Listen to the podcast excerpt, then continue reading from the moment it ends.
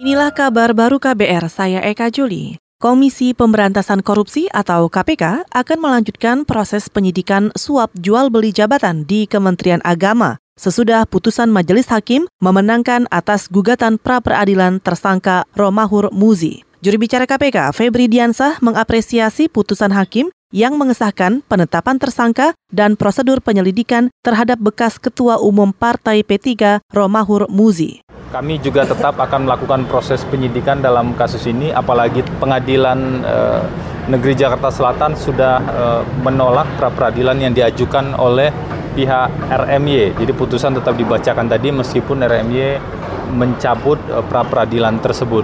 Kami hargai dan kami sampaikan apresiasi terhadap hakim pra peradilan tersebut karena dari pertimbangan dan amar putusannya secara clear menegaskan mana ruang eh, batas-batas uh, pra peradilan bisa diajukan. Itu tadi juru bicara KPK Febri Diansah. Sebelumnya, Roma Hurmuzi mengajukan pra peradilan atas sangkaan terhadap dirinya terkait suap jual beli jabatan di Kementerian Agama. Roma Hurmuzi menuding KPK sudah melanggar prosedur dan penetapan tersangka terhadap dirinya adalah tidak sah.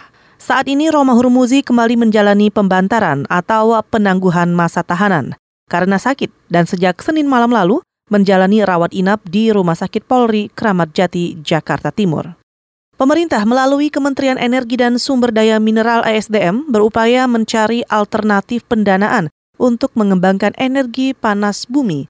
Dirjen Energi Baru Terbarukan dan Konservasi Energi, FX Suti Jastoto mengatakan, pengembangan energi panas bumi membutuhkan biaya mahal. Antara lain karena potensi energi panas bumi biasanya justru ada di daerah-daerah terpencil, sehingga untuk pengembangannya dibutuhkan pembangunan infrastruktur di lokasi sekitar.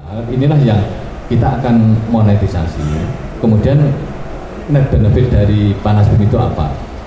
Dan kita sudah komunikasi dengan Menkeu, Menkeu juga sudah setuju bahwa eh, untuk mengembang panas bumi itu nanti perlu kebijakan apa itu.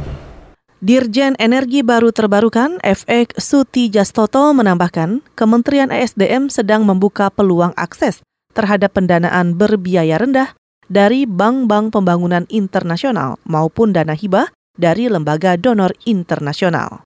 Forum Kerukunan Umat Beragama atau FKUB Bekasi menyarankan kepada panitia pembangunan pura di Desa Sukahurip, Kabupaten Bekasi untuk banyak melakukan pendekatan lebih dulu ke masyarakat Ketua FKUB Bekasi atau Ilah Mursyid menegaskan pihaknya masih menanti situasi dan kondisi masyarakat sebelum mengeluarkan rekomendasi pembangunan pura. Apalagi menurut Ato Ilah, di antara alasan warga yang menolak pembangunan pura, karena di daerah itu hanya ada satu keluarga saja yang menganut agama Hindu. Kalau penolakan kan hak warga, gitu. Kami sudah sarankan ke panitia untuk melakukan pendekatan-pendekatan dulu, gitu kan. Dan mereka pun pihak panitia pembangunan itu nggak langsung ngebangun, nggak ya meskipun mereka sudah lengkap ya sudah sesuai dengan aturan gitu tetapi kan belum tentu uh, rekomendasi ini bisa kami keluarkan kita lihat situasi dan kondisi di masyarakat Ketua Forum Kerukunan Umat Beragama Bekasi atau Ilah Mursid menambahkan, saat ini masih dilakukan verifikasi data terkait perizinan pembangunan pura.